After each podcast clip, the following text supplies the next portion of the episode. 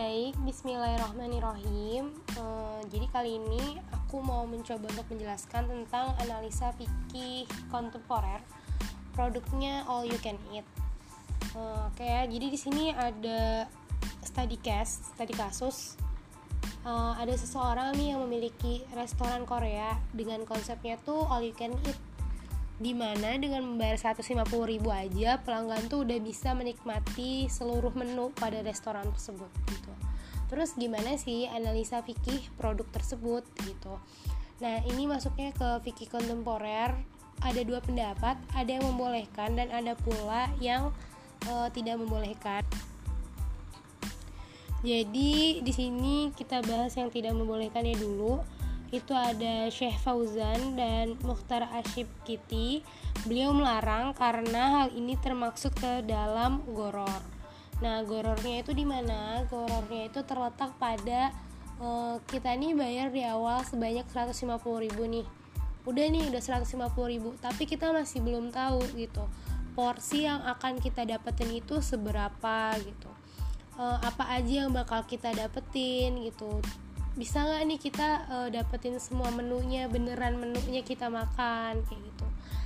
Uh, kan karena setiap orang itu porsi makannya beda-beda ya. Ada yang kuat sampai 2-3 piring tapi juga uh, ada yang cuma satu piring aja udah kenyang banget kayak gitu. Jadi ini masuknya ke goror maka dari itu uh, Chef Fauzan ini tidak membolehkan uh, produk all you can eat ini gitu tapi ada pula yang membolehkan yaitu Syekh Utsaimin dan Ramadan Al-Butin itu membolehkan karena e, beliau membagi goror ke dalam dua ada goror yang berat dan ada goror yang ringan atau yasir. Nah, goror ringan ini dapat dipahami atau bisa difahami gitu.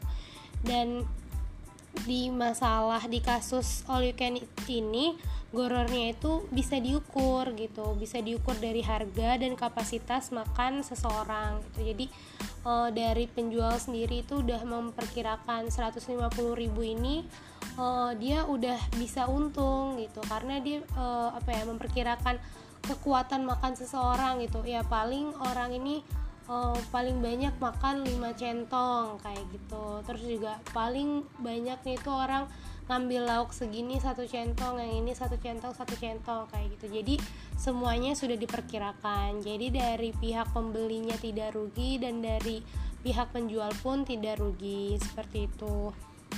Lalu juga ada pendapat dari Dr. Onisha Roni. Beliau menyatakan bahwasannya transaksi seperti ini e, menurut fikih diperkenankan.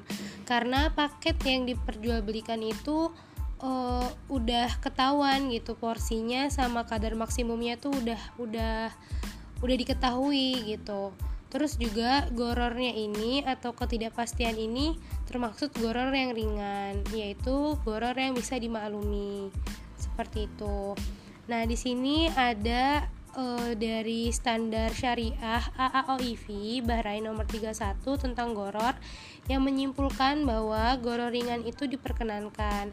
Hal ini merujuk pada penjelasan terhadap hadis Rasulullah SAW yang artinya Rasulullah SAW melarang jual beli yang mengandung goror. Hadis Rohil Muslim, Termizi, dan Nasai ringan itu eh, nggak uh, bisa dihindarkan dan semua pihak ridho serta memakluminya gitu. Jadi uh, selagi itu termasuk goror yang ringan dan semua pihak itu ridho dan memakluminya maka nggak apa-apa kayak gitu.